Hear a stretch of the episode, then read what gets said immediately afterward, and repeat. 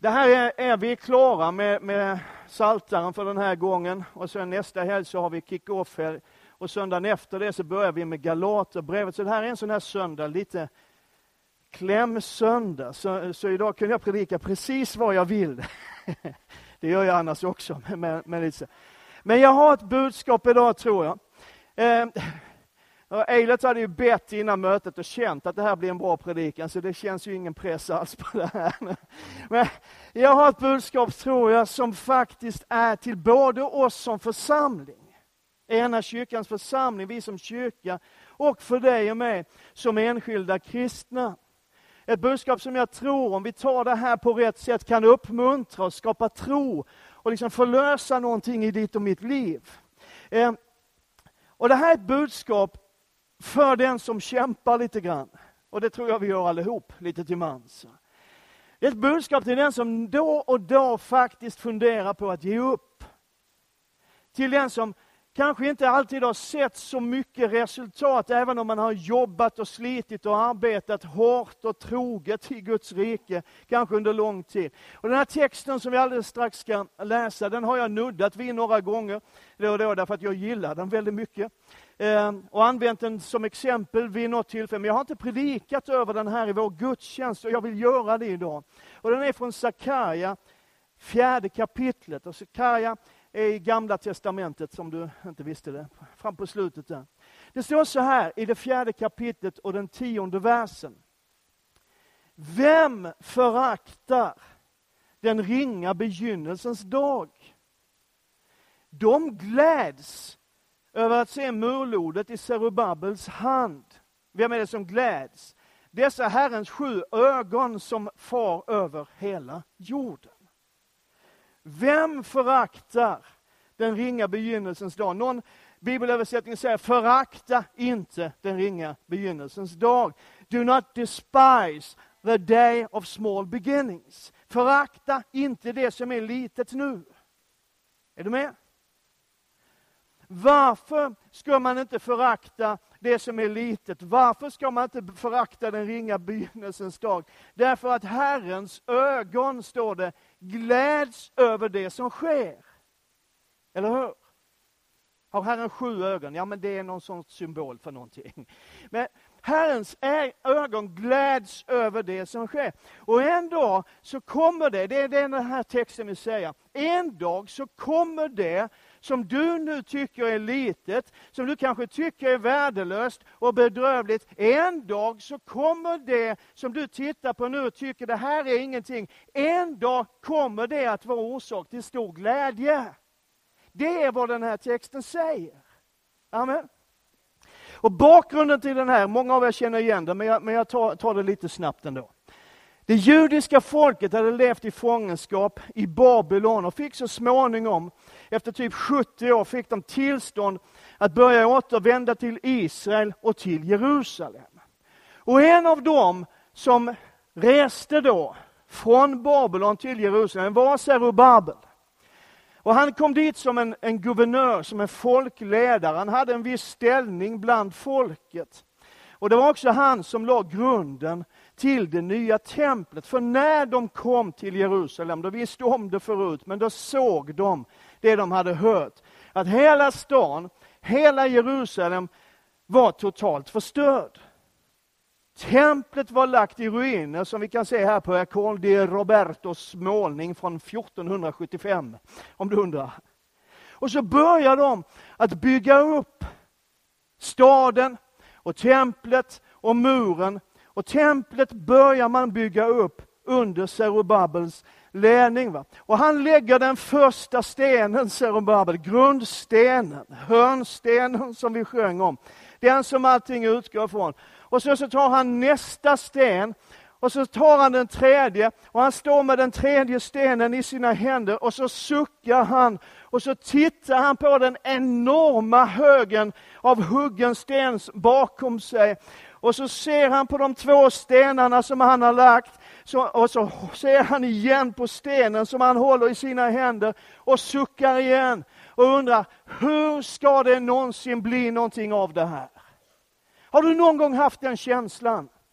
Har du någon gång tänkt den tanken, hur ska det bli någonting av det här?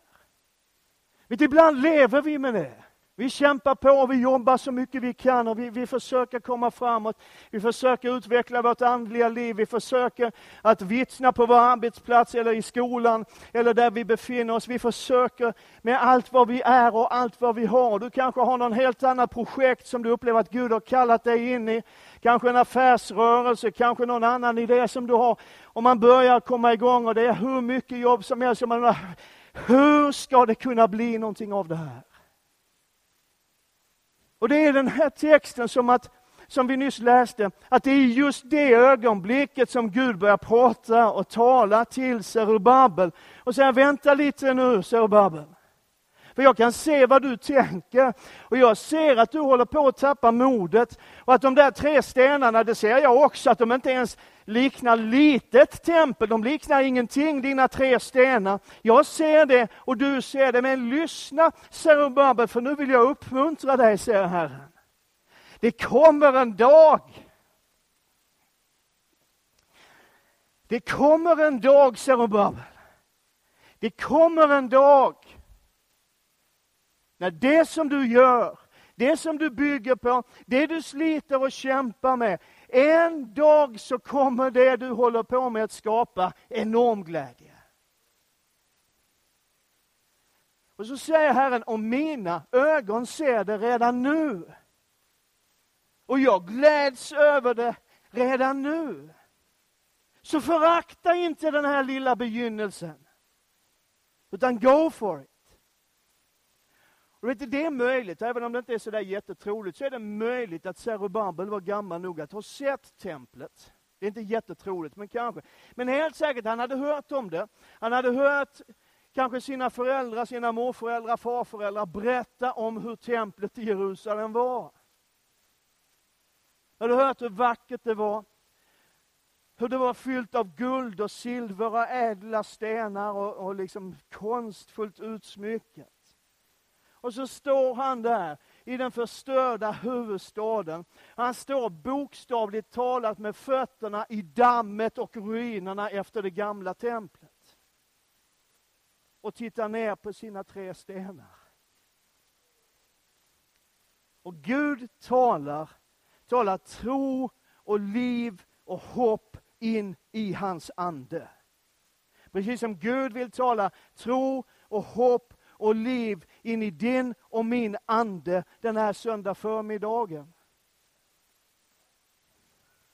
En dag, säger Zerubabel. Du ser det inte nu, men jag ser det, säger Herren, och jag gläds över det. Jag tror att vi ibland behöver få lite perspektiv och inse att det lilla, eller det vi tycker är litet i alla fall, som vi gör, det kopplar Gud ihop med det lilla som någon annan gör. Och vet, när alla vi som gör något litet för Jesus kopplas ihop så kan det bli något helt fantastiskt. Jag fick den här bilden av min kollega Sven för ett par år sedan. Jag tycker den är så bra, den talar så tydligt och visar på att du och jag behöver få tag på den större bilden. Det större perspektivet. Vet, det är tre, om du inte ser, det är tre personer som gör i stort sett samma sak. De ligger på knä och hugger till stenar. Sjukt roligt jobb, eller hur? Och den första av dem, han säger, jag hugger sten. Kul. Det är hans bild, det är hans perspektiv. Det är vad han tror att han gör. Jag hugger sten. Den andra i mitten, han har ett något större perspektiv. Han säger, jag ska göra ett spetsbågefönster. Vad det nu är, men det är det han säger i alla fall. Men den tredje av de här, han har fattat grejen. Han har sett den större bilden. Han har fattat att när vi jobbar tillsammans, när du och jag kopplar ihop med det vi har och det lilla vi tycker att vi är, när vi kopplas ihop genom den heliga Ande med Jesus Kristus i, i centrum, så blir det någonting bra. Så han säger, jag bygger en katedral. Amen. Och vi behöver få den här bilden för oss, att det jag har och det du har, det lägger Jesus ihop kopplas samman och så kan det bli något helt makalöst fantastiskt. Nu ska vi inte bygga en katedral, vi har redan den här katedralen, det, det blir bra så. Hörrni, förra söndagen så talade vi om lite grann hur David jämförde Guds ofattbara storhet med sig själv. Kommer ni ihåg det? Från psalm 8. När jag ser din himmel, dina fingrars verk, månen och stjärnorna som du har skapat. Vad är då en människa? Vem är då jag? När jag ser vem du är. Eh, och det är väl en sund eh, insikt att komma till att Gud är stor och det är inte jag. Men vi pratade också ganska kort då, i söndags, om att vi så väldigt gärna jämför oss med andra människor. Eller hur?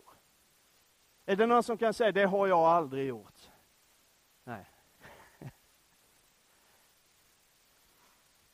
Och sanningen är, tror jag, att jämföra sig med andra är ett av fiendens mest effektiva vapen för att få dig och mig ur balans. Jag säger det igen, som du kommer ihåg vad jag säger. Att jämföra oss med andra är ett av fiendens mest effektiva vapen att få dig och mig ur balans. Att få oss att tappa modet, att få oss att, att liksom bara ge upp nästan. Det är få saker som kan få en att tappa modet så totalt som att jämföra sig med någon annan. Eller hur? Är du här idag? Alltså det händer ju oss alla. Till och med, det trodde du inte, men till och med vi pastorer kan göra sånt ibland. Jämföra sig med någon annan. inte jag, men alla andra. Ja, men är att man, man, ser lite grann på, man, man, kan se på vad vi har, vad jag har som pastor, vad vi har. Kan se hur långt har vi nått, vad har vi åstadkommit. Och så jämför man det med pastorn i, i stan intill, i grannstaden. Eller pastorn runt hörnet i värsta fall. Och det är inte helt sällan när man gör det, så man blir ganska missmodig. Inte för att jag inte tycker att det vi har är fantastiskt, men det finns ju alltid någon som har kommit längre. Eller hur? Det finns alltid någon annan, någonstans, tack så mycket, som har kommit längre, som är duktigare, som har fått långt mer framgång. Och det är ju inte bara vi pastorer, utan du är precis lika skyldig om du inte är pastor. Vad det än är som Gud har kallat oss att göra, var vi än befinner oss i livet och hur långt vi ändå än har nått, så finns det alltid, utan undantag, någon annan som har kommit lite längre.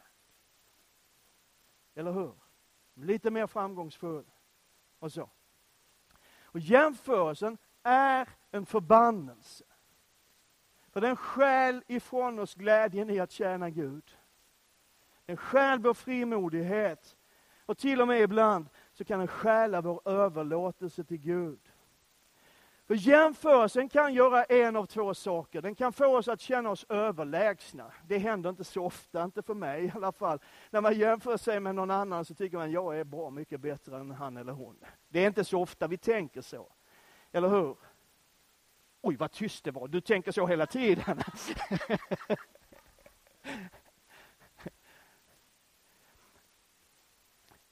Vet, om vi känner oss överlägsna så skapar det en arrogans i våra liv.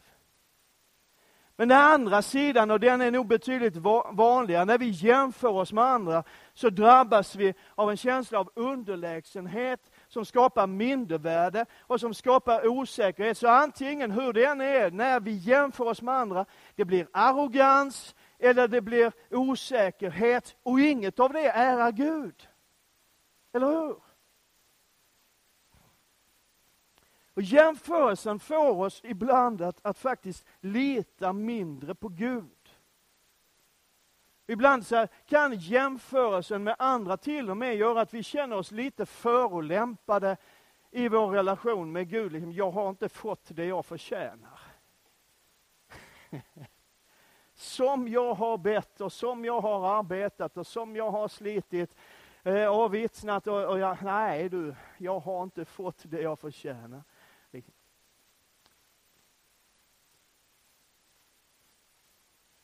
Och det du förtjänar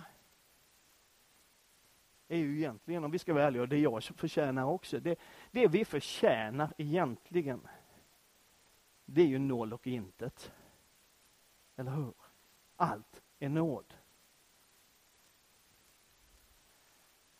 Och vet du, jämförelsen får oss ibland att försöka att vara någonting eller vara någon som vi inte är. Därför vi tänker liksom, om jag är som han eller hon, så kommer det bli väldigt bra. För att, att han är ju sån som han är och det har gått superbra för honom. Och så försöker man att bli någon annan än den man själv är. Och bli någonting annat än det Gud har kallat en till att vara. För att vi ska framstå som bättre och mer intressanta. Men vi tror ju i vår församling på att varje människa är skapad unik och det finns en plan och ett syfte med varje människa. Psalm 139 och 16. Alla mina dagar var skrivna i en bok och var bestämda innan någon av dem hade kommit. Gud har en plan för varje människa. Ett unikt syfte för varje människa. Det tror vi på i vår församling.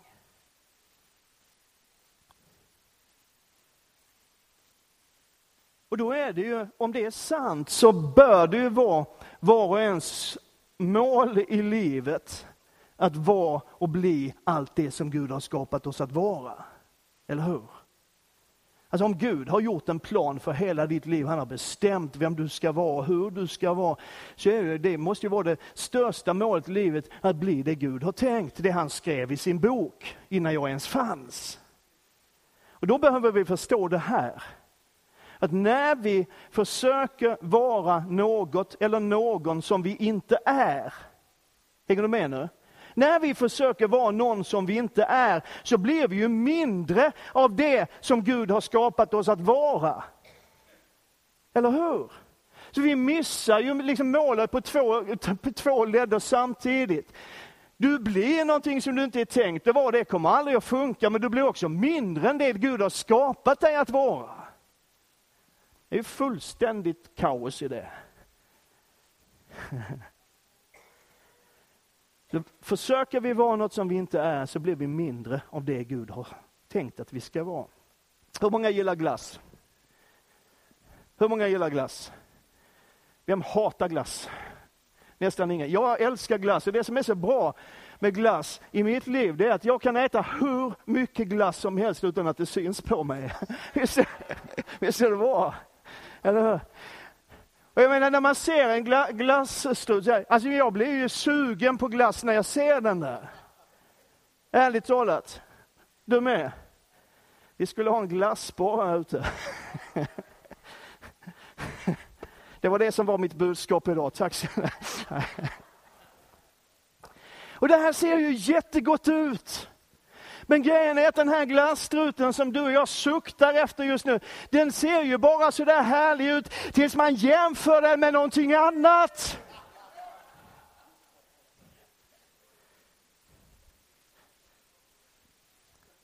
Jag menar, vem vill ha den vänstra nu? Nyss ville du ha den.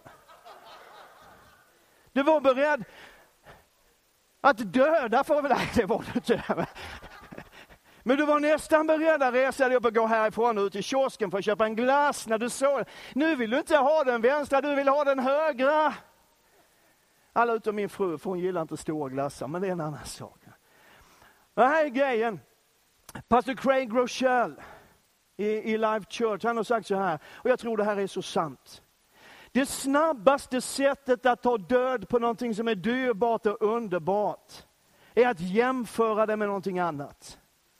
Det effektivaste sättet att döda din vision, att för, för, ta död på dina drömmar, att döda någonting som för dig är dyrbart, som betyder någonting för dig, det är att jämföra det med någonting annat.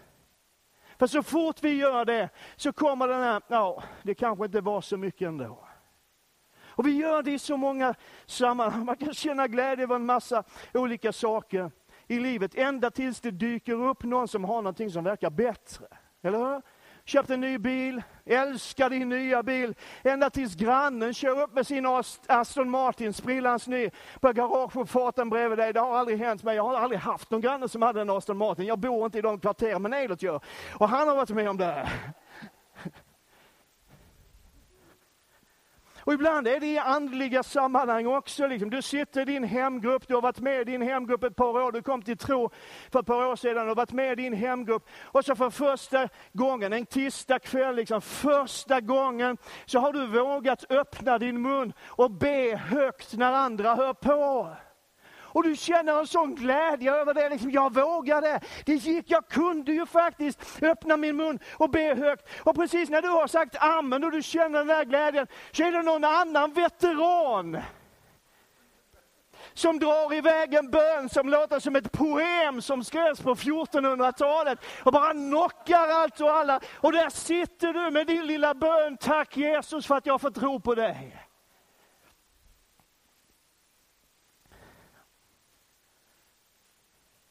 Vet, misstaget vi gör, det är att vi jämför vår start med någon annans målgång.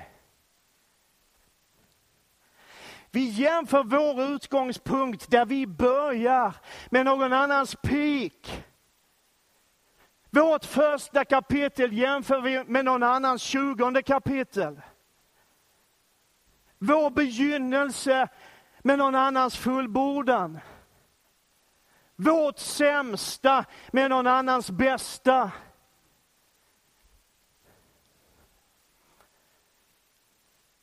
Vi behöver inse att allt och alla har börjat i det lilla. Varenda en. Varenda en. Kommer ni ihåg när vi talade om församlingen i Filippi? Vi predikade över Filipperbrevet här för något år sedan. Vi eh, talade om församlingen där. Den församling som väldigt snabbt växte till att vara en av de allra största församlingarna i det området. Och man räknar med att den hade nästan 2000 medlemmar. Då kan man tycka, ja men det finns ju mycket större församlingar. Jo, men det var en stad där det bodde 10 000. Och det är inte många församlingar som har 20 procent av en stads invånare.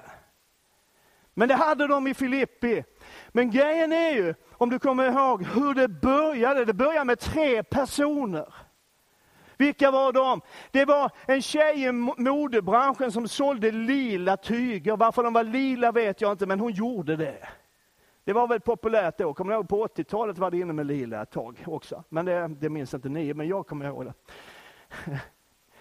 Det var den första. Den andra var en slavflicka som var besatt av en spårdomsande. Och den tredje var fångvaktaren i det fängelse där Paulus och Silas satt inspärrade. Det var de tre som församlingen startade med. Det var den ringa begynnelsen, men det blev någonting väldigt bra. Förakta inte den ringa begynnelsen. Jag har talat ganska många gånger förut om, därför att jag älskar att göra det.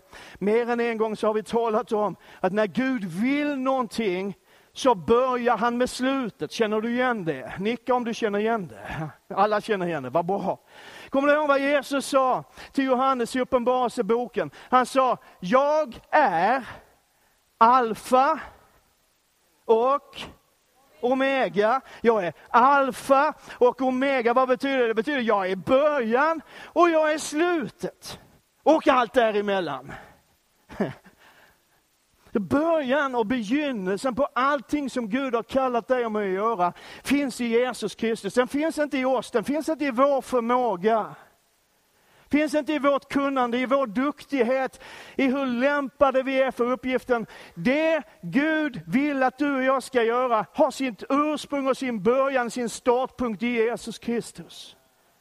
Men det har också sitt slut i honom. Avslutningen, finalen, när vi når målet. Målet är också i Jesus Kristus. Jag är början och slutet. Prisat vare Herrens namn. Låt oss läsa de här verserna i Jesaja, även om vi har läst dem tillsammans ganska många gånger förut. Jag älskar de här verserna, så du får stå ut med det. Jesaja 46, vad andfådd jag blev, det var väldigt... Lugna ner dig Hultberg, inte idag. Tänk på detta och fatta mod. Ta det till hjärtat, ni upproriska. Kom ihåg det som har hänt för länge sedan, för jag är Gud. Och det finns ingen annan Gud, ingen som jag. Jag förkunnar från början vad som ska komma och långt i förväg det som inte har skett. Jag säger mitt beslut ska förverkligas. Allt vad jag vill kommer jag att göra. Jag kallar på örnen från öster, från fjärran land, en man som verkställer mitt beslut. Vad jag har talat låter jag ske. Vad jag beslutar utför jag. Gud börjar med slutet. Vet, Gud är ju inte beroende av tid. Vi är beroende av tid, men Gud är inte det. Han lever utanför våra tidsramar. Allt är ett ständigt nu. I Guds rike, i hans perspektiv. Så det är liksom inga problem för honom att skapa det som behövs nu. Och sen tar det 18 år för dig att komma dit. Men han är ju där nu. Är du med? Vi är liksom inkapslade och inspärrade i de här tidsramarna, inramade av tiden. Fångade i vårt eget tidsspann, vad hemskt det låter. Men grejen är att det Gud har kallat dig att göra, och det Gud har kallat oss som församling, ena kyrkan, att göra, är redan klart. Det är redan klart. Gud har redan skapat det. Amen. Jag tycker, det, jag tycker det är så fascinerande att tänka, liksom, vad det än är Gud har kallat mig. Jag tror inte att jag är riktigt klar med det som Gud har tänkt för mitt liv än, för då hade han tagit hem mig. Men det har han inte. Jag är fortfarande här, om du inte visste det. Jag är här nu. Liksom, det finns någonting mer som ligger framför, som jag sträcker mig mot, som jag försöker uppfatta att Gud säger, ta den vägen, gör så där, be så här. Sök dig ditåt. Och så gör man det och så kan jag veta utifrån Guds ord att det där som jag strävar efter, det där jag vill ha tag på, det jag ibland kämpar och ber och famlar lite grann för att få tag på, det är redan färdigt. Det är redan klart. Och det ligger liksom bara där i Guds nu och väntar på att min tid ska komma ifatt Guds nu. Amen. Jag tycker det här är härligt. Jag vet inte vad du tycker, men jag tycker det här är... Oh, så bra det är! Vet, Gud har skapat det där.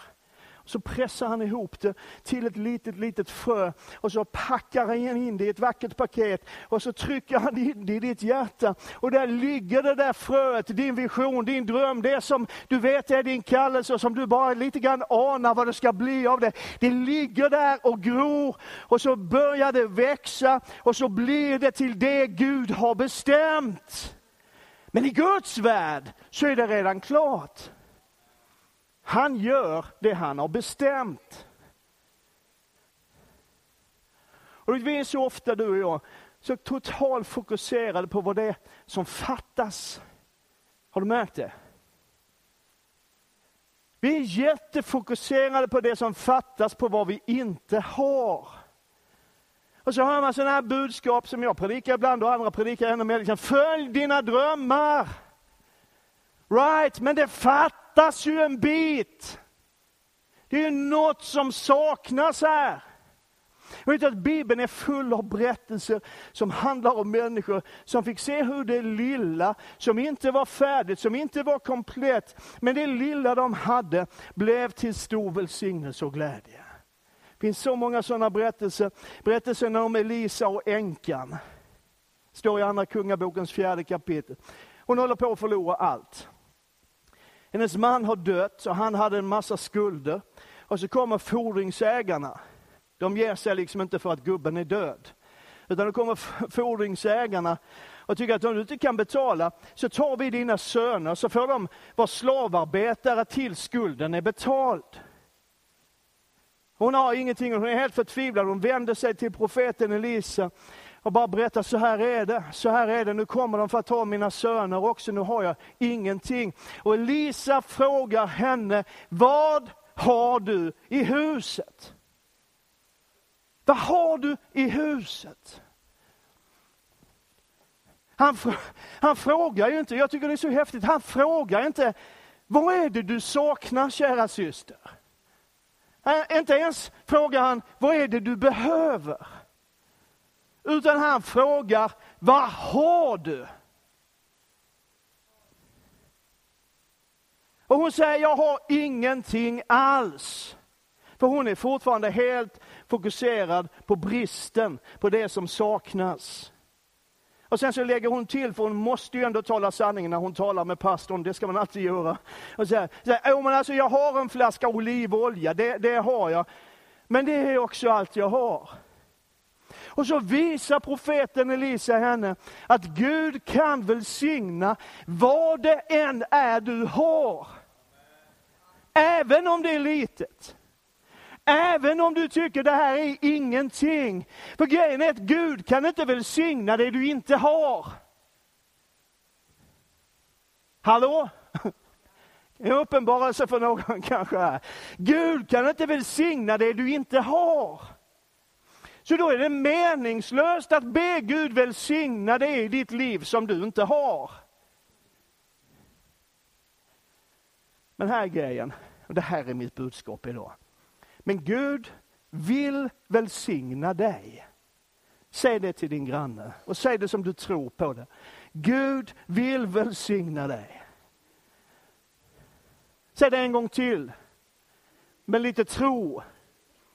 Det är liksom ingen religiös fras du citerar nu, eller reciterar. Gud vill välsigna dig. Så vet du vad Gud gör då? Gud kan inte välsigna det du inte har, så vet du vad Gud gör? Han är smart Gud, vet du vad han gör? Han välsignar det du har!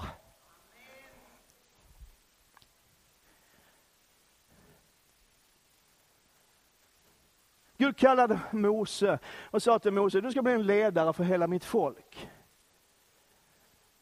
Då kan man ju föreställa sig att Mose börjar tänka, wow, då behöver jag någonting som visar folket vem jag är. Någonting som bekräftar min position. Jag borde ha en sån där spira, borde jag ha. Eller hur?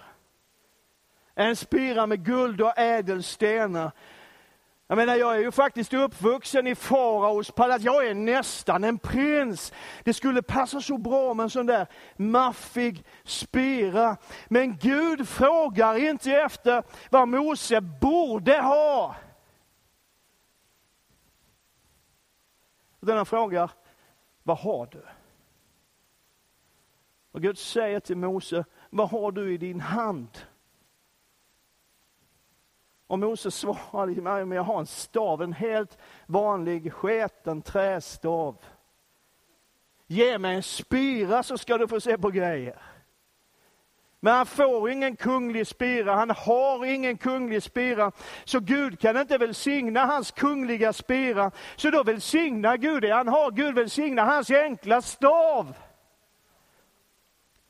Och den staven användes sedan för att utföra under och tecken, mirakler. Gud välsigna det vi har. Och jag älskar berättelsen, jag stannar upp inför den ofta, för ofta tycker någon, men jag gör det ändå. Berättelsen om pojken som kommer till Jesus med sina bröder och fiskar. 5000 män är samlade plus kvinnor och barn, så det är minst 15 000 per, 20 kanske. Men den här lille grabben har förstått någonting som är så väldigt viktigt. Han har fattat det att jag kanske inte har så där jättemycket, men det jag har, det kan jag ge till Jesus.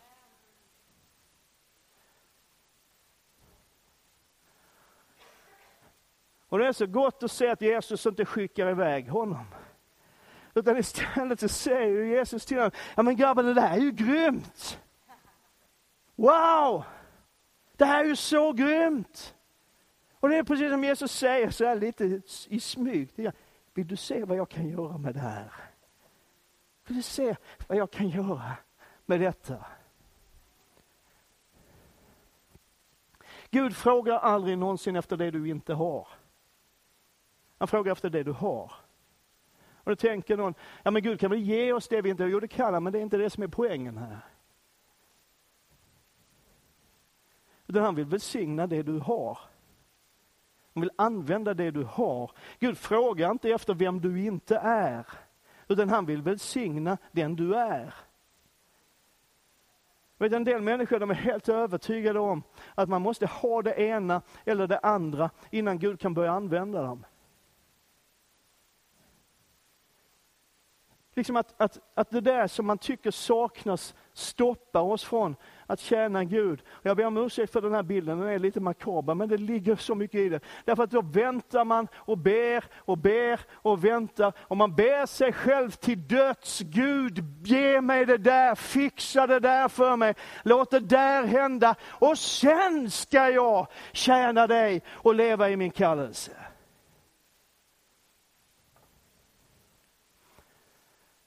Och under tiden så ser Gud på din flaska olivolja. Gud ser på din gamla trästav, eller Gud ser på dina fem bröd och två fiskar, eller Gud ser på dina tre tegelstenar. Och så säger han medan du ligger där och ropar och ber och kämpar och håller på, så säger Gud, men du, jag vill ju välsigna det du har. Jag vill välsigna dig där du är nu. Jag kommer välsigna dig där du är sen också, men vi tar nu först.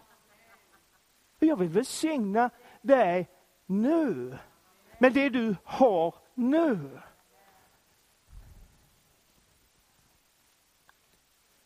Vet, Gud har lagt någonting i dina händer. Gud har lagt någonting i dig. Och även om du tycker att det är så litet och kanske till och med tänker att det är ingenting så vill Gud att du ska använda det. Att du ska låta honom välsigna det. För en dag, en dag så kommer det där lilla, din gåva, din talang, det du har att föra med sig stor glädje. Och grejen är att det handlar så väldigt lite om dig. Det handlar så väldigt lite om vad du kan. Det handlar till och med ganska lite om vad det är du har för någonting. Utan det handlar om vad Gud kan göra med det du har. Med den du är. Med de gåvor som finns i ditt liv. Med den han har skapat dig att vara nu.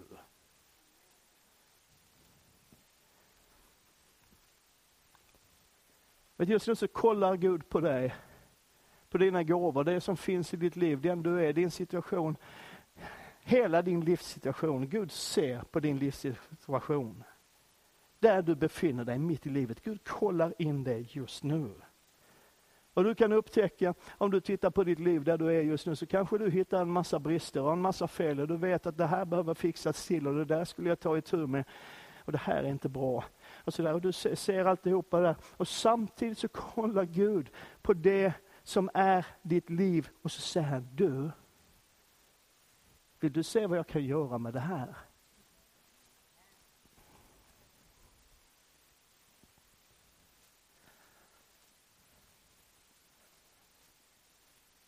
Det handlar om vad Gud kan göra med det du och jag har. Den här texten som vi började med, Sakarja 4. Vi började en bit in i det avsnitt där Gud har börjat tala till Zerubabel. Och läser man hela sammanhanget så upptäcker man att Gud börjar med att förklara hur allt ska gå till. Vill du veta hur allt ska gå till? Då sa han till mig, här är Herrens ord till Zerubabel. Varken genom styrka eller makt utan genom min ande, säger Herren Sebaot. Det är inte genom din styrka och din skicklighet och din kraft och din duglighet som saker och ting sker i Guds rike. Det är väldigt skönt att veta det.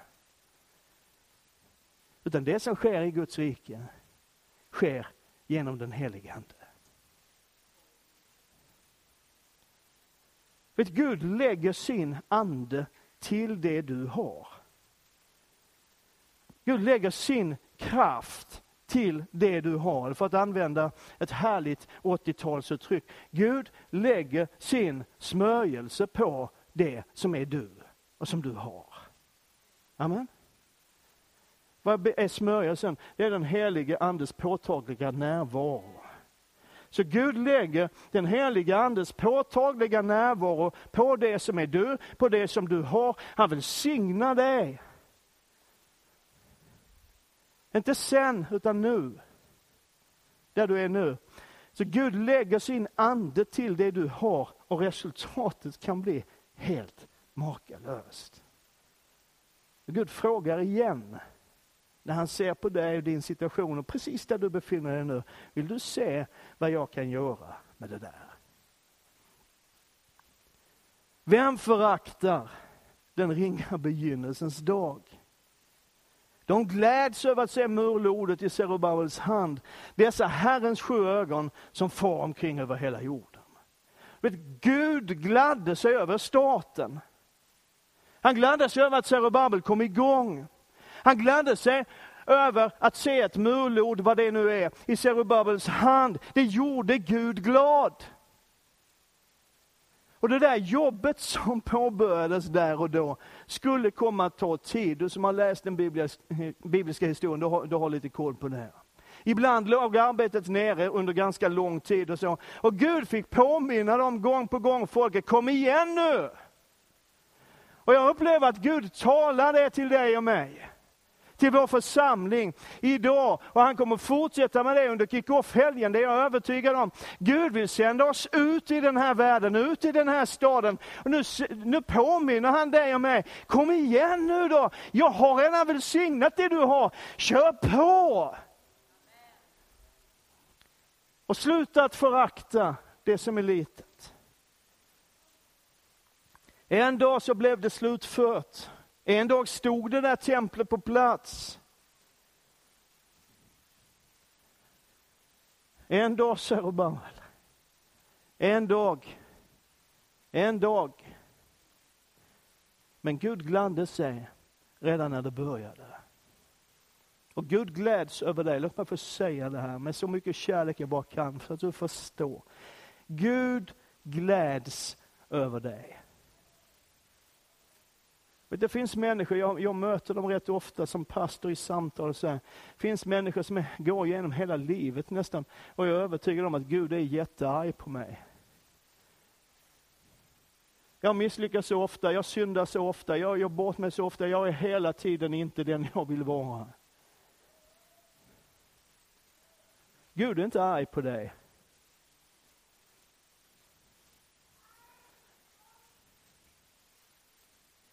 Gud är inte arg på dig. Han är inte missnöjd med dig. Han gläds över dig.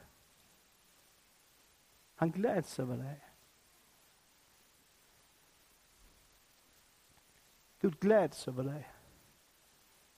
Han gläds över vem du är.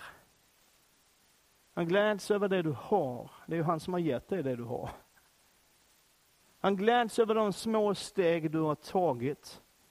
Och han gläds över de små steg som du kommer att ta. Och han vet redan hur det kommer att gå, för det har han bestämt. Vet du, det där han har kallat dig att göra, det är redan klart. Så han sitter liksom med facit och bara myser över dig.